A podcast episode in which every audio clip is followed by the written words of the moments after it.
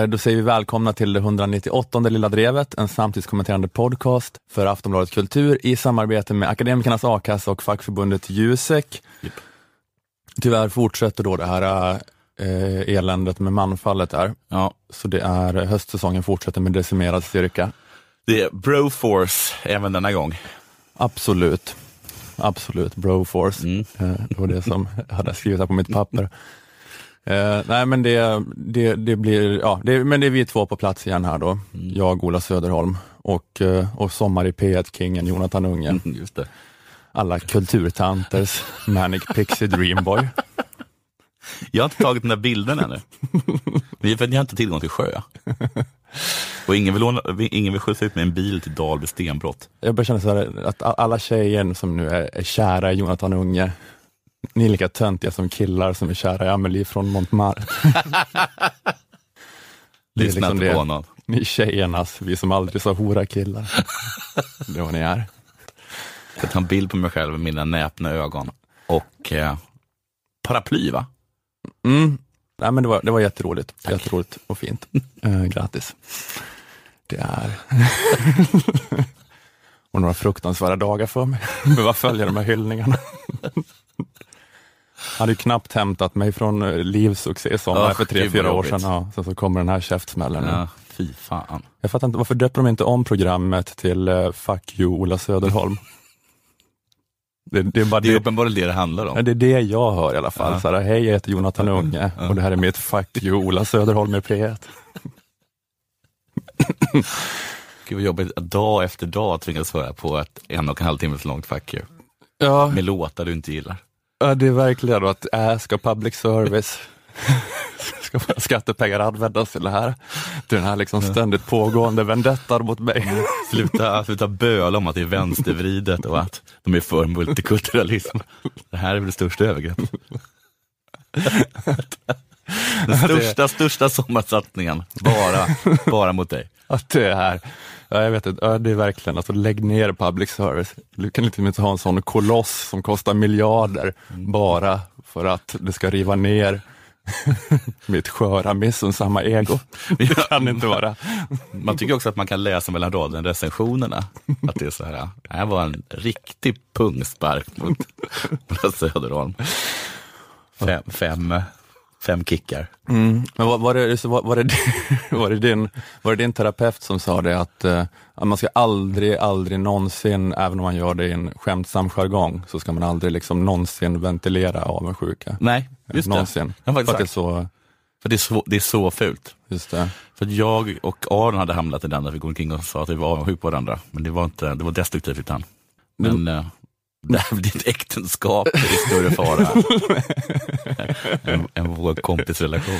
Eh, Jag tänker att det är okej ifall man spelar in det också, sänder ut det. Mm. Vet, jag vet inte vad din psykolog skulle säga om det.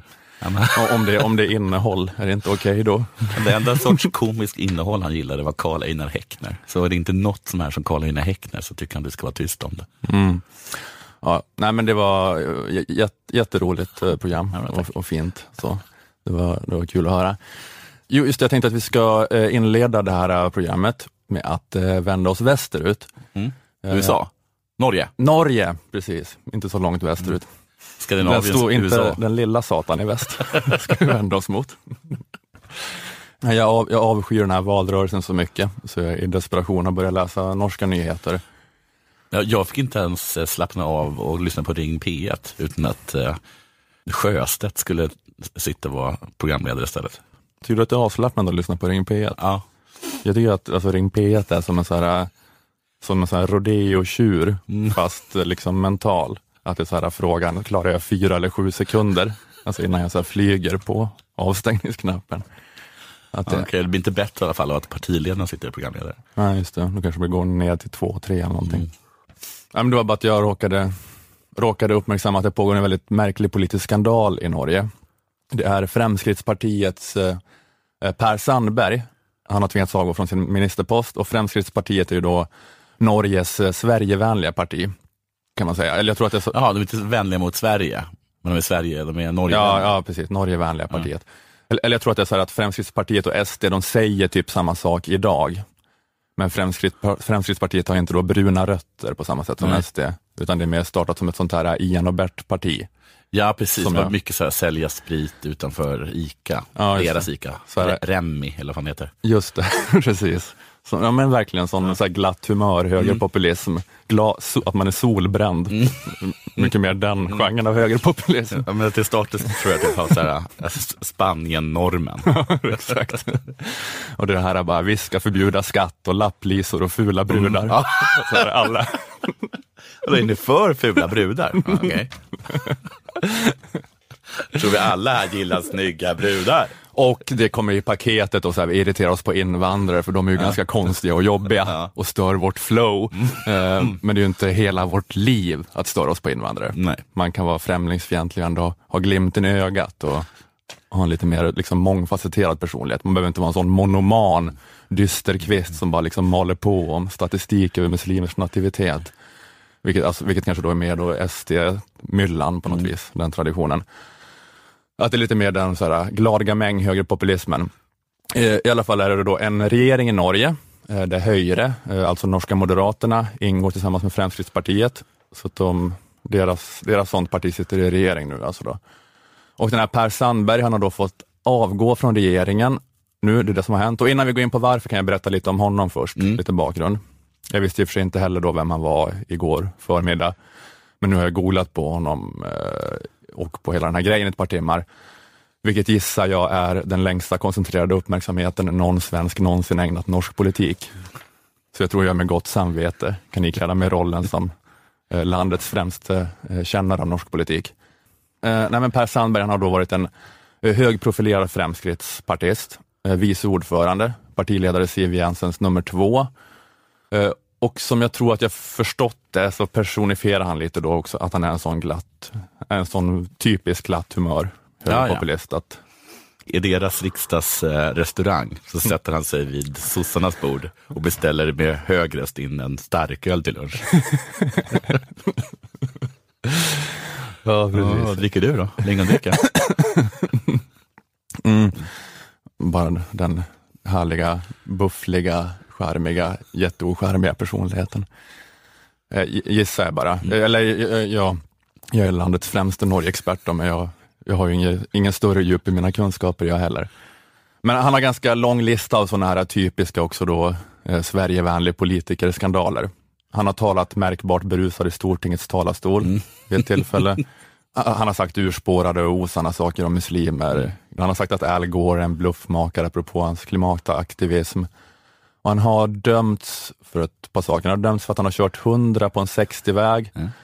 Och så har han dömts för att han har misshandlat en jugoslavisk asylsökande genom att slå och skalla ner honom på en privatfest 1995. Det känns som att det är lite mer än bara den här, den här, den här slå i glaset, eh, klackarna i taket. Eh. Att det kändes lite mörkare. Du. Ja, det blev lite mörkare blev det ändå, eller? Var inte bara liksom kräft, eh, hatt, kräftskiva hatt på sniskan. Nej, Nej, jag vet inte. Men det var, men det, det var 95 då Ja. eh, och det var, det var inte oprovocerat. Jonas Sandberg, Nej, han var där, var- jugoslaven. han befann sig inte i sin kulturella sfär. Bedömde han. Nej, men det, och allt detta enligt, hans, eh, enligt Per Sandbergs Wikipedia-sida. Mm. Han har också en skandal där han i Stortinget anklagat Arbeiderpartiet, alltså norska sossarna, för att de ska ha spelat offer efter, Efter? den 22 juli, Okej. alltså Utøya. La meg først bare slå fast at det er ingen som prøver å spille noe offer her. Hvis det er noen som har spilt offer etter 22. juli, så er det til de grader Arbeiderpartiet. Eh, og det eh, bør de også gjøre, for de var et av de store ofrene. Vilka de andra skulle spelat offer i det?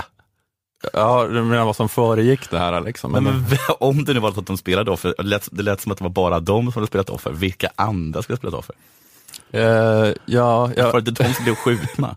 ja, ja, det, ja, usch, ja, det var, ja, men det är som att det, det är något att han kommer på vad han sa Ja, och okej, försöker ja. rädda eller hur? Ja, han säger Alltså, det är ni, ni har, ni, har, ni har till en mil, ni har så till en milda grad hållit på att spela ett offer, Ja. Vi- vilket ju är rimligt och så, för att det bör ni göra, för ni var ju ett av de stora offren. Så det är ju helt i sin ordning att ni håller på och spelar offer. Eftersom ni var det. Det är ju lite irriterande när någon håller på och spelar att de har utsatts för det de har utsatts för. Men i rimlighetens namn måste man ju acceptera att de gör det också. Det förstår ju även jag. Eh, I alla fall då, bakgrunden till det som har hänt nu, eh, att han har fått avgå från allt, är att han var på semester i Iran, eh, som han kom På riktigt semester idag. Ja, han var på semester i Iran som han kom hem ifrån den 30 juli och eh, då blev han direkt eh, överfallen av journalister. Han fick direkt åka iväg till studion till att vara med i norska NRK P1 eller motsvarande, eh, Dagsnytt 18. Jag tror att det är norska Studio 1 ungefär. Og Per Sandberg, du landa i Norge for få timer siden. Hadde du venta å bli møtt av journalister på ankomst eh, Gardermoen? Ja, sånn som debatten har gått eh, Nå har ikke jeg greid å fulgt med på hele debatten mens jeg har vært i Iran, da, for at eh, jeg har vært på ferie og prøvd å slappe av. Kosa meg i Det kaspiske hav, bada. Det var varmt og godt. Eh, Masse natur, mye god mat, møtt masse flotte mennesker. Han har haft det helt underbart i Iran. Inga fula brudar där inte.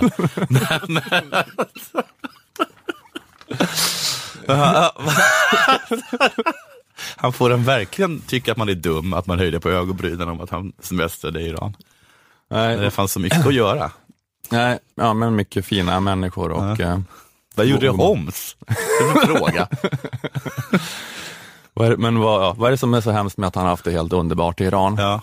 Eh, Det är då att han bland annat eh, under den här resan bröt mot norska regeringen och säkerhetspolisens eh, säkerhetsföreskrifter. Han informerade inte om att han skulle till Iran, vilket han måste göra.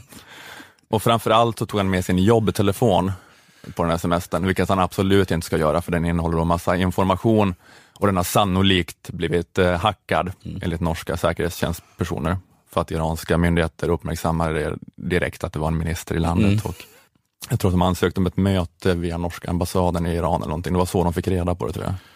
I, i Norge också. Jag kan bara gissa, men behöver man inte visum för Iran?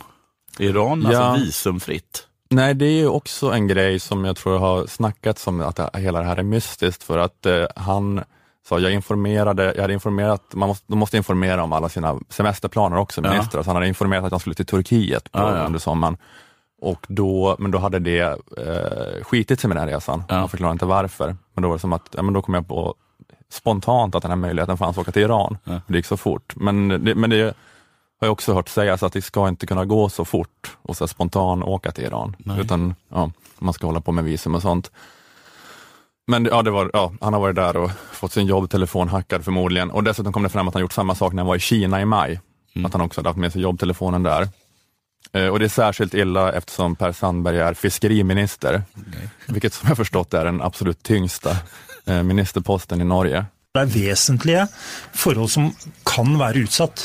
Ikke minst har Per Sandberg en betydelig utenrikspolitisk rolle for en av de viktigste næringspolitiske feltene våre, nemlig fiskeripolitikken vår. Kina og Russland er veldig interessert i dette. Det är bara lusekofteministern som, är, som, som sitter på en, en större budget.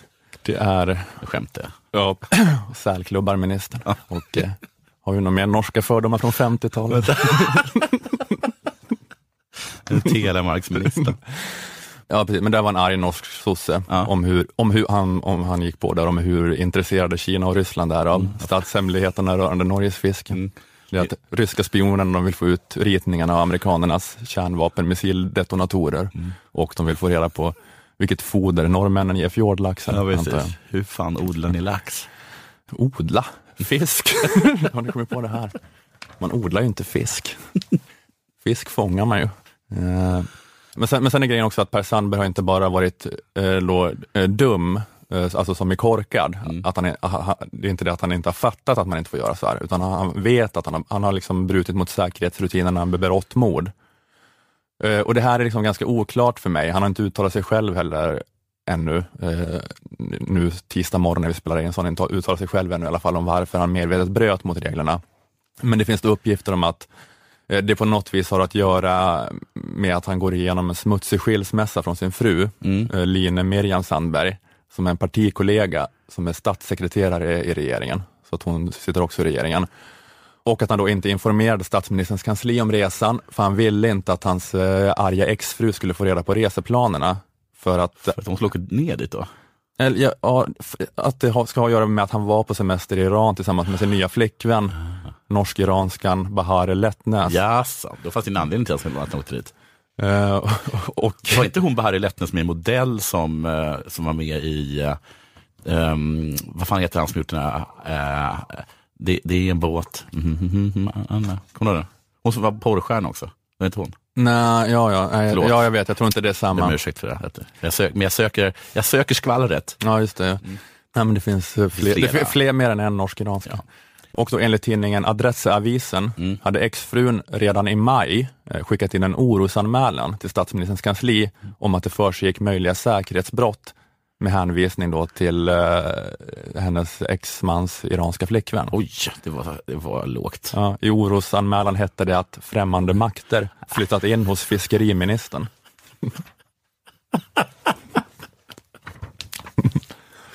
Oj, oj, oj. Där var det, där kan, eh, oj, jag tänker om, eh, tänk om Moder- Moderaterna hade vetat om det här när det, det sket sig mellan Mia och Carl Bildt. Att den här främmande italienska makten hade flyttat in i, hos utrikesministern. Just det, det är, det, ja, det är en jobbig, det är en så jobbig, det är inte en så bra separation. Det, Mm. Det är inte den bästa separationen för barnen. Nej, verkligen Man inte. håller på att anklaga varandra för majestätsbrott. Jag har jag, ja, jag har anmält pappa till Säpo. Så nej, jag tror inte att det blir någon delad vårdnad att tala om. Så. Tänkers pappas ansikte bakom 20 centimeter tjockt glas. Men det kommer se av honom på de närmsta tio åren. Pappa är en landsförrädare. Och en horbock. Eh, och den här då, ehm, och den här då iranska flickvännen Bahare Letnes, Mm. eh, hennes historia eh, är då att hon ska ha riskerat tvångsäktenskap i Iran och fick därför uppehållstillstånd i Norge, dit hon kom typ i mitten av 00-talet. Ungefär samtidigt som Per Sandberg enligt hans Wikipedia-sida la ett förslag om att det borde införas ett totalstopp för all invandring från icke-västliga länder till Norge. Så det var tur för hans kärlekslycka att, att han inte fick igenom det. Men, men den här exfrun vill då antyda att det är något eh, fishy med den här iranska flickvännen. Och det har varit också då en del utav hela den här historien, att det har varit en del sådana frågetecken kring henne från andra håll om vad hon har för eventuella band till regimen. Eh, andra exiliranier i Norge som själva ofta inte vågar eller kan resa till Iran överhuvudtaget själva. De har påpekat att det är märkligt att någon som så pass nyligen bröt iransk lag genom att motsätta sig det arrangerade äktenskapet och utan tillåtelse från sin far fly, att hon nu så obehindrat kan turista i Iran i sällskap med en man hon inte är gift med, Nej. vilket inte heller är lagligt i Iran. Och att hon har liksom åkt, åkt runt där utan hijab och instagrammat maniskt deras resa. Och också att det är märkligt att hon då som eh, politisk flykting har knutit så starka band till iranska ambassaden i Norge. Hon har jobbat med någon slags relationsbyggande mellan Norge och Iran, engagerat sig för att föra fram iransk kultur i Norge. Och hon har liksom både själv och tillsammans med Per Sandberg varit på massa fester på ambassaden. Bland annat så var han då, eh, Per Sandberg, ministern, var med på firandet av den iranska nationaldagen, vilket ju firas till minne av revolutionen då, och är det en hyllning till islamistdiktaturen. Så det har också Sandberg fått massa kritik för, för att han har varit och, och lallat på den festen som, som minister. Bjöd- Bjuds det på eh, sprit då? Ja, jag vet inte, det kanske... Eller går de bara omkring och och dricker liksom väldigt god så här bo- granatäppeljuice? Jag vet att han, jag tror att han uttalade sig om det där att det var, att det var en jättetrevlig fest där det var väldigt mycket god mat och dryck, så det är ingenting jag ångrar. Nej, nej. Eh, men jag vet inte om det var alkoholhaltig dryck då. Men eh, Han är ju uppenbarligen en kille som kan ta sig en stark eh, ölslunch och sen gå upp i talarstolen. ja, det är han. Och, eh, men han är ju också uppenbarligen en, en eh, vad ska man säga, en foodie. Som, eh, som liksom inte låter liksom, ha- hans då islamkritiska grundhållning, Nej, han inte, den tar inte över ifall det är riktigt bra liksom Nej.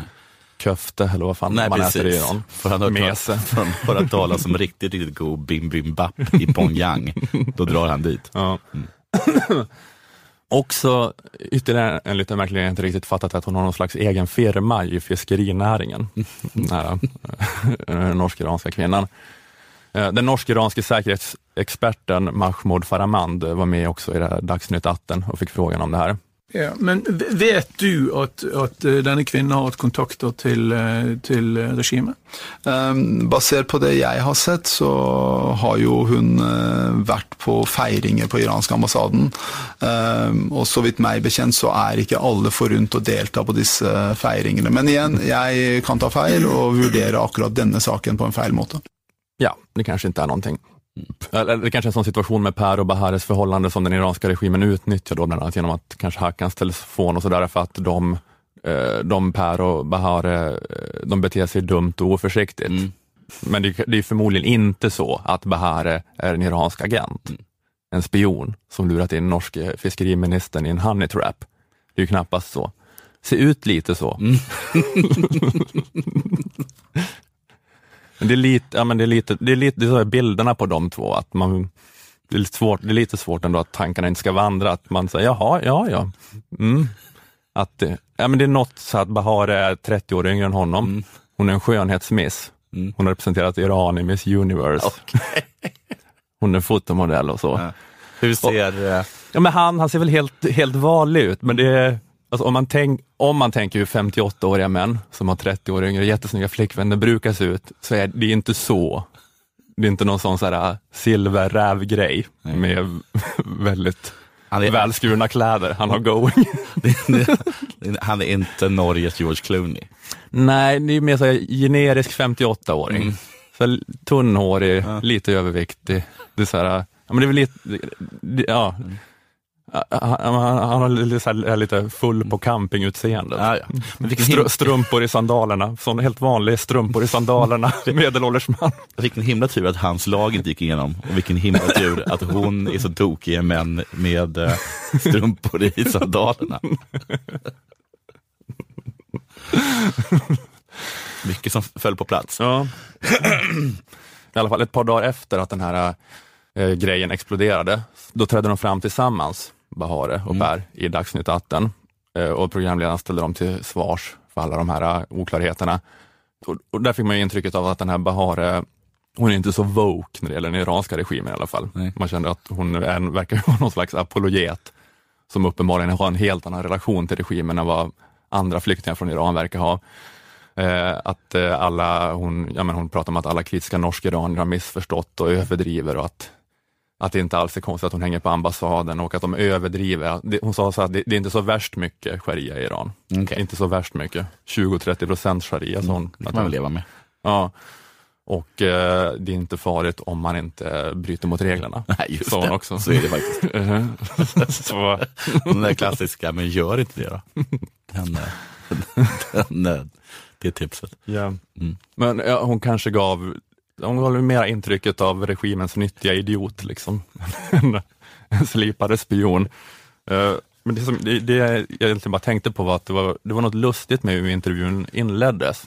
För det är då Norge Studio 1 mm. och programledaren frågar ut dem i 20 minuter så här, om alla de här uh, misstänkta oegentligheterna som en vanlig intervju. Men hon inledde det med att fråga Bahare om varför hon blev kär i Per. Mm. Men uh, först så är det alltså nu bekräftat att är kärster. Vad var det du fallt för ved Per Sandberg? Att han är från Skåne och tröndersk. Va? Är det från Skåne? Är det något ställe eller? Ja, den iranska skönhetsdrottningen föll mm. som en fura för att han är från Skåne. Mm. Och är tröndersk. Han kommer alltså från Tröndelag, okay. närmare bestämt. Är det en extra pantad del av, av, Norge, eller vadå? Ja, ja, ja jag vet inte.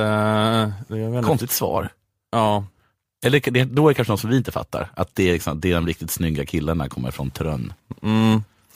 Ja, från Trö ja, det blir det att han kommer från Tröndelag och det är ja. närmare bestämt från ett litet samhälle i Levangers kommun som heter Skogn. Mm, Skogn. är mest känt för att det finns ett ganska stort pappersbruk där. Mm. Och det luktar, det luktar avför eller fjärt, men de har också de snyggaste, eh, vad heter det, pågarna? Vad heter de? Drängarna?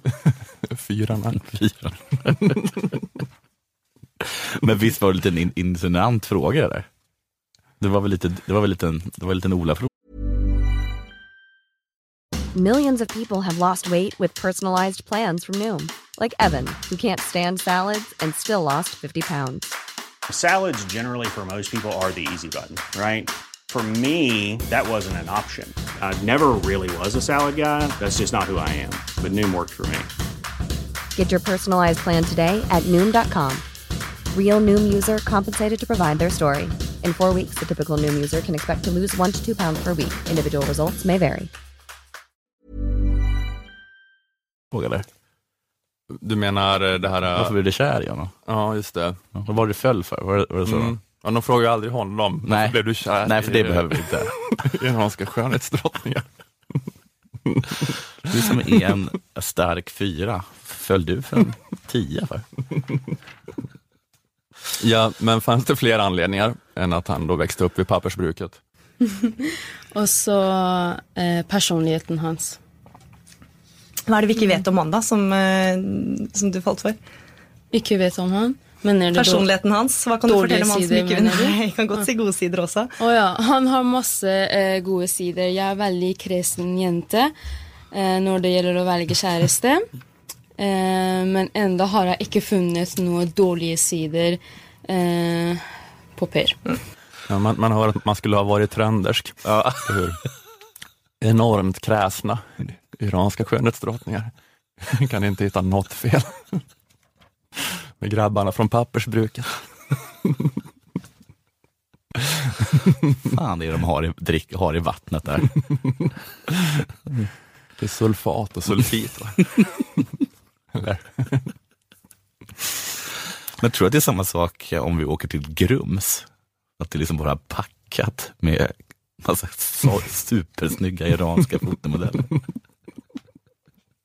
Som är helt så bara förhäxade av helt vanliga husvagnspappor. Med strumpor i sandalerna.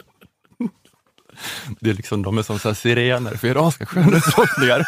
Som bara vandrar till alla, alla platser där det finns pappersbruk. Och liksom stjäl männen från deras fruar. Om, om iranska turister åker förbi ett pappersbruk måste alla kvinnorna sätta på sig sån här ögonbindel och sätta in öronproppar. Just. Bindas vid masten.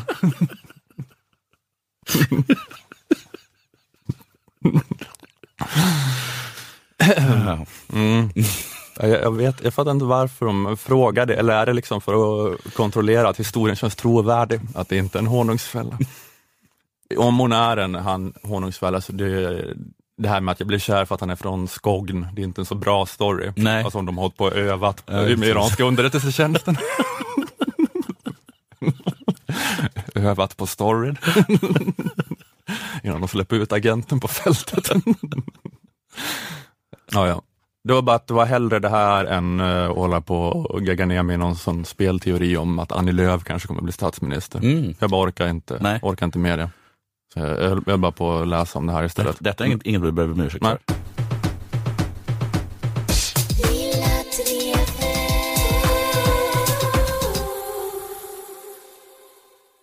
Ångest, ångest i min arvedel, min strupesår, mitt hjärtas skri i världen. Mm. Jag började införa lite poesi. Är det per uh, lager? Det låter rimligt. Ja. Eh, så där känner man ju när man lyssnar på dig Ola, eller när man tittar på nyheterna eller bläddrar i en tidning. Mm. Är det inte krig, oroligheter så är det klimatet.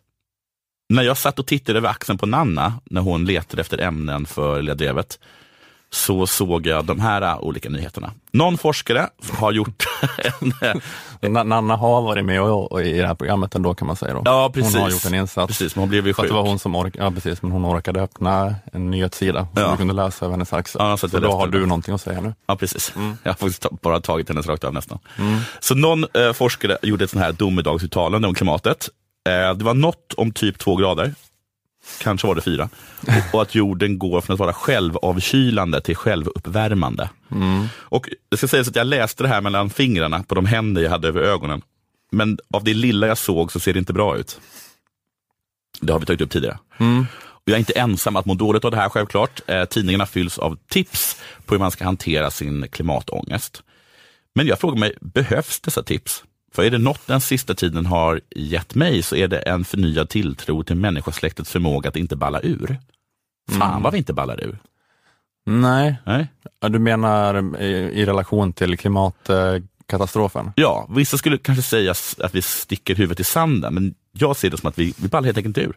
Och jag tycker det är konstigt att inte fler reagerar som den där äh, domedagsprofeten som jag försökte ta upp med dig i förra eh, programmet. Den här domedagsprofeten i Tintin-äventyret Den mystiska stjärnan. Just det. Alltså astronomen slash galningen professor Filippulus som då klär sig i lakan och går omkring på gatorna och slår på en gonggong. Mm. För det hade jag trott, att fler hade reagerat så. Ja, just det. Det hade känts mer passande nästan tycker jag. Om man liksom tänker på vad många galningar finns inom andra områden som radiosändningar upptagna av amalgam, elallergiker och folk som håller på med raw food, så tycker jag det är konstigt att inte fler klär sig i tåga. Går omkring och gör väsen av sig. Nej, det är De sitter liksom ganska liksom städade i en, i en studio. Det är ingen som går omkring på gatan och skriker.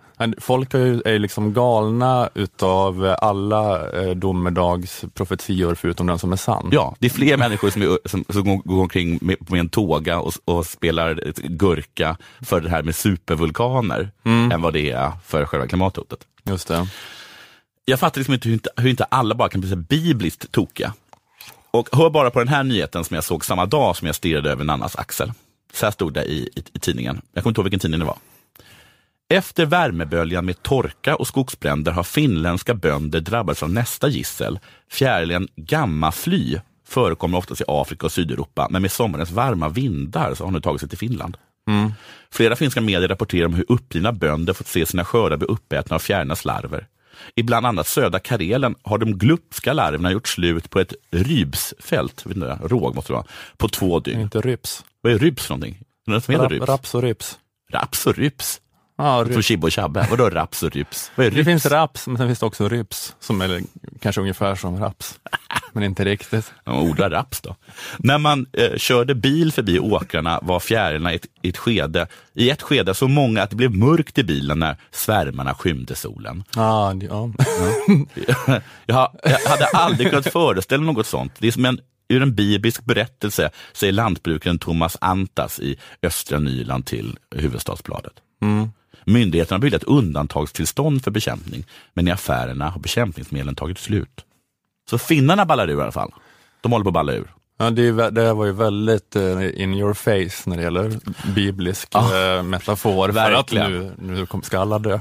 Men att, att himlen blir svart utav dödsfjärilar. Eh, Det är nästan övertydligt. Jag, jag förstår inte. Kan jag få en ledtråd till? Hade man skrivit i en bok så hade re- redigeraren sagt att man inte ska skriva läsaren på näsan. Så här kan det alltså ha låtit i Finland. Herregud, hela Finland är full med fjärilar. Håll käften Pekka Heino, det finns inga fjärilar i Finland, du är full igen. I Finland finns bara mygg. Så här kan det låta. Varför- är, det, vadå, är det grej att de inte kan skilja på F och P? Ja, Är det det? det är du som ska hålla käften Märta Tikkanen. Titta dig omkring, titta säger jag. Ja, ja, ta det lugnt. Jag ska titta. Nej, pjärilar. Man ser inte Finland för alla pjärilar. Så kan det ha låtit. Tror du inte det?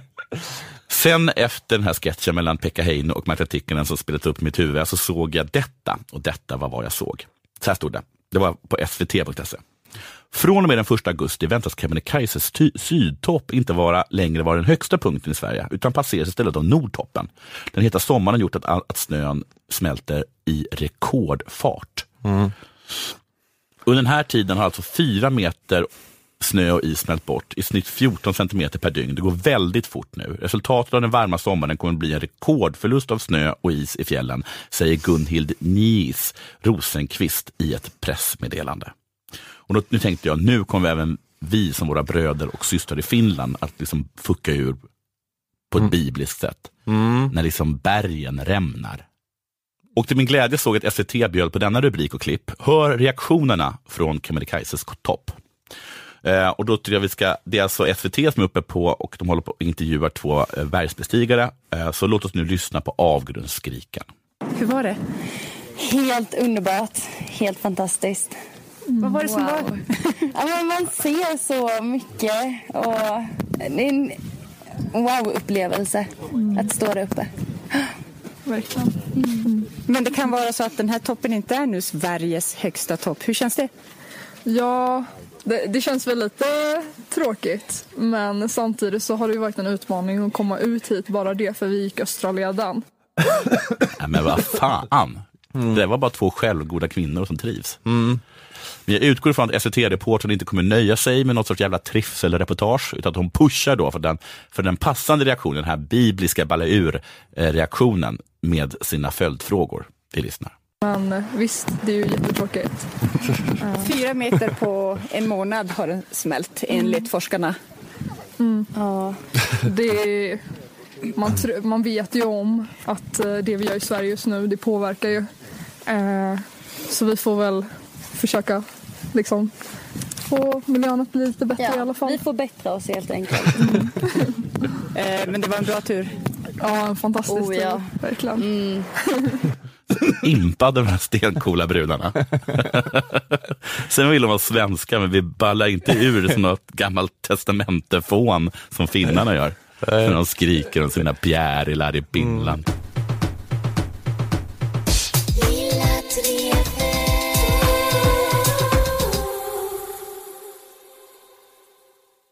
Sommaren är slut nu, eller snart kanske. Jag vet inte eh, exakt när.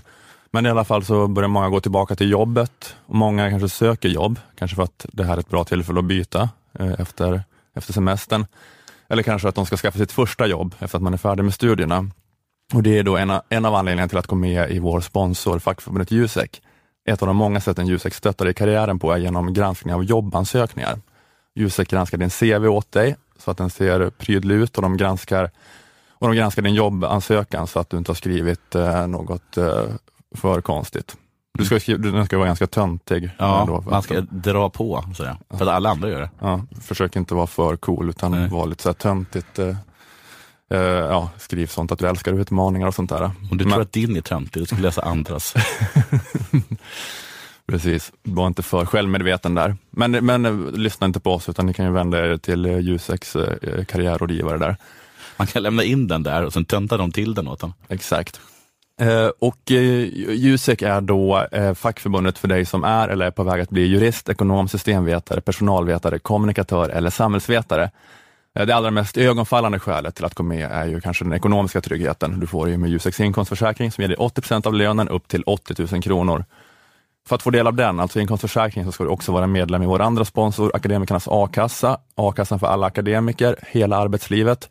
Eh, Akademikernas a-kassa är för dig som har eller är på väg att ta 180 högskolepoäng eller 120 poäng med det gamla systemet. Akademikernas kostar 110 kronor i månaden och ger dig en ersättning på upp till 20 000 i månaden om du skulle befinna dig mellan jobb.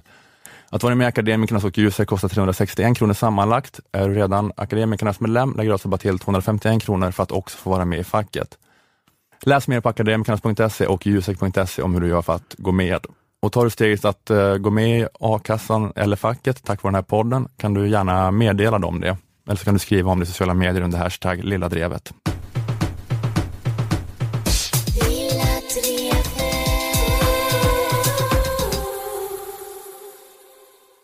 Gratissamhället har ju krockat med medierna och hur de ska överleva de senaste åren. Mm, just det. Allt fler och fler saker sätts bakom betalvägg. Mm. För att här kan vi inte ha det längre. Nej. Det kostar att producera innehåll. Samtidigt då så blir man ju själv chockad när man går in och inte kan läsa den, den artikel man vill. Ja. Jag blir i alla fall fortfarande. Ja, just det. Jag borde ha lärt mig vid det här laget, men det blir jag.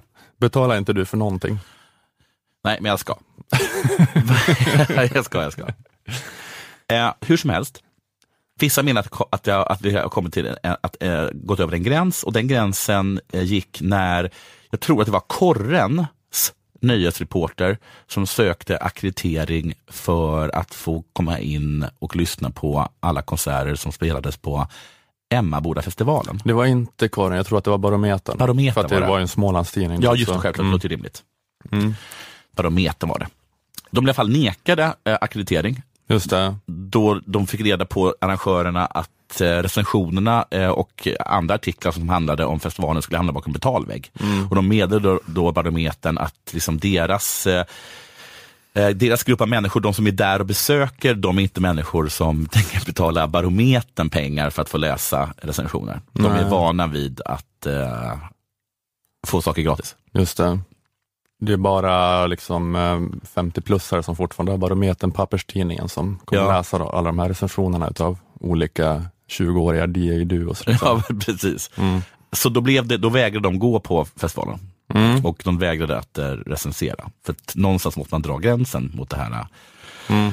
det här gratissamhället. De, de bojkottade tillbaka helt enkelt. Precis. Jag tyckte inte att gränsen gick, har gått där. Jag var fortfarande fine med, med, med, ehm, jag var fortfarande fine med gratissamhället. Mm. Eh, men jag blev å andra sidan inte heller upprörd på barometern. Jag förstår att de behöver få in pengar. Menar för att de har betalväg blir du inte Ja, upprörd? nej, det blev jag inte. Mm. Men, och jag är inte heller egentligen upprörd på DN, Aftonbladet och, och så, Mm. när de har betalväg. Nej. Jag är inte så upprörd över det. Däremot så blev jag upprörd över det här. Jag skulle eh, till denna gång eh, skriva någonting om nyheten att den ungerska regeringen funderar på att eh, eh, förbjuda genusstudier på universitetet. Mm. Och då eh, när jag googlade, jag, jag såg det på Twitter någonstans att någon sa något om det. Då gick jag in och googlade och kom fram till att det fanns bara en källa till det. Och det var eh, svegot.se. Ja, är det någon rassesida eller? Jag tror att det är en Sverigevänlig eh, sanningssökande sida. Ja. Just det. Så jag klickade gott på länken för att eh, ta, ta, ta del av, den här eh, objektiva och opartiska eh, innehållet. Mm. Möts då av detta. Varför vill inte den ungerska regeringen tillåta genusstudier och vilket känt namn dyker upp också denna gång? Du behöver ha Svegot plus för att läsa hela artikeln. Testa en vecka för bara 19 kronor. Välj månadsprenumeration och använd rabattkoden Svegot19. Mm. Och det fanns alltså nivå plus. Det är månadsvis 99 kronor. Plus år 1000 kronor nästan. Mm. Plus livstid 10 000 kronor nästan. Eller vän av Svegot som är nästan 500 kronor per månad. Vilka fan tror de att de är? Jag kanske inte är så att jag, jag fattar väl självklart att, att vi inte kan ha det här gratissamhället fullt ut. Tror du att det är gratis att ta tillbaka vårt land? är det det du tror? Men om jag vill läsa artiklar som framgång för hbtq-lobbyn, allt fler unga sägs vara homosexuella, många risker följer med på kuppen, tänker jag fan inte betala för det. Vill jag höra om någonting lite syrligt om muslimer? Det vill jag absolut göra. Jag tänker inte betala 99 kronor i månaden för det. Nej. Va? För att du, det är lite sådär guilty pleasure. Ja. det kan man inte betala för. Det är som att jag skulle ha, gå in och liksom ha Pornhubs jävla plus premiumkonto. Jag klarar mig utmärkt på de fem minuter långa klipp som finns där. Ja, så det är ingen som behöver, ingen som behöver långfilmsversionen utav, utav de klippen och utav liksom uh, Svegots eh, analyser av hbtq-lobbyns utbredning. Jag vill Man behöver bara få en så här snabb Jag vill som, vill, jag vill som vem som annan veta vad, vad bögarna och blattarna håller på med. Men jag vill för helvete inte betala 100 kronor i månaden för det. Nej. Skärp er. Nu har jag då tagit den här testveckan för 19 kronor. Men det, men det kan jag säga er, att när den veckan går ut, då har ni mist en läsare Svegot. Ja. Jag hoppas verkligen du kommer ihåg att avsluta det här abonnemanget. Det var hemskt om man automatiskt går på livstid. Som kostar 9995 kronor. Jag kan också tänka mig att Svegot är en sån sida som gör det väldigt svårt att avregistrera sig. Lite som DN var för. Men, eh, ja, men har du men har du liksom, gick du med för att kunna läsa den här artikeln? Ja, men Ungern? hann i alla fall inte. Du hann ändå inte läsa den? Nej. Du hann bara registrera dig? Ja. Så nu har du att det tickar. men liksom, vad, vad, är, vad är Svegot? Är det liksom, det är till höger om nyheter idag så att säga, eller? Jag gick faktiskt in på, eh, på Expo, som man gudskelov inte behöver betala för. Det är för att det sprutar pengar i öronen på dem. Ja, just det. Eh, det man önskar att högerextremismen fick en framgångsrik deckarförfattare. Ja. så att de också kunde subventionera sina nättidningar. Ja, det, det är så, eh, men just det, det är extra svårt med att höger, liksom, eller liksom brunhögern har verkligen eh, förväntar sig verkligen att man ska ge dem pengar. Men vad, så- vad stod om Svegot på? Nej, jag kommer inte ihåg, det var någonting om att de var, om det var så att de var, om de var mot välfärd eller lite, eller lite mindre för välfärd eller de var lite mer rasistiska eller, eller lite mindre rasistiska än någon annan sida. Jag kommer inte ihåg riktigt. Nej, nej, nej. Mm, men ja, men de, de är, ja, det är att de vill att man ska ge dem pengar. Men alltså 10 000 kronor, i och för sig livstid, liksom, men Ja. jävlar. Det är en väldigt betalningsvillig minoritet känns det som. Är det inte så? Att de har bra fart på all slags crowdfunding och sånt Ja. där, de där människorna. Det är en väldigt eh, ja, det, det, ja, men det är väl ganska mycket, det är tillräckligt mycket människor och det är liksom hög densitet eller vad man ska säga i publiken. Det är mycket, det är många som vill swisha och sådär. Jag hade aldrig Tror trott jag. att liksom, de grupper som är, som är bäst att rikta sig mot är liksom kvinnor som jobbar i 30-årsåldern och eh, Sverigevänner. Mm. Att det är de som bär upp eh, Ja. Kulturarbetare. Ja. Nu har du fångat de ena med det här sommarpratet. Ja. Så får du fånga andra gruppen med ditt vinterprat sen. Så kommer du att bli crowdfunding-kingen över hela Sverige.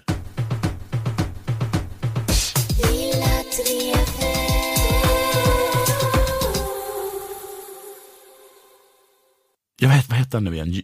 Han heter inte Judah Garlander. Judah Friedlander. Just det. Jag ska förekomma för Judah Freelander 14 september i Malmö och 16 september i Stockholm. Mm. Det är han som är den roliga killen i uh, Further Rock. Just det, han med den här truckerkepsen och stora skägget. Då. Just. Eh, mm.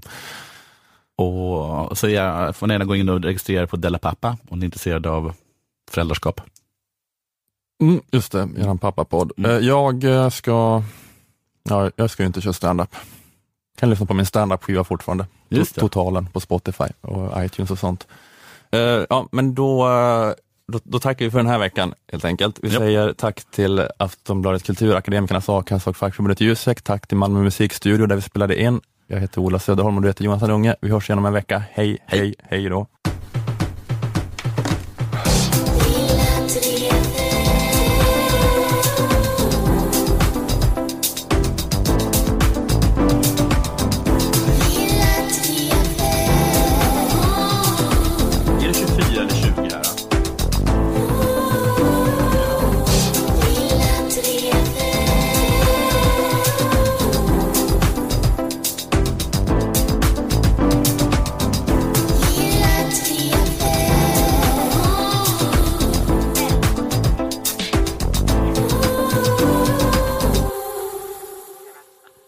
Hejsan, jag skulle vilja be få en bil till Industrigatan 24 tack.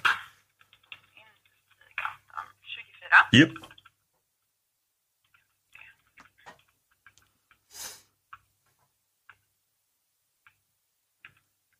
Och vad heter du? Jonathan. Till Centralstationen. Ska kan använda. Mm. Ditt samtal har parkerats. Var vänlig vänta.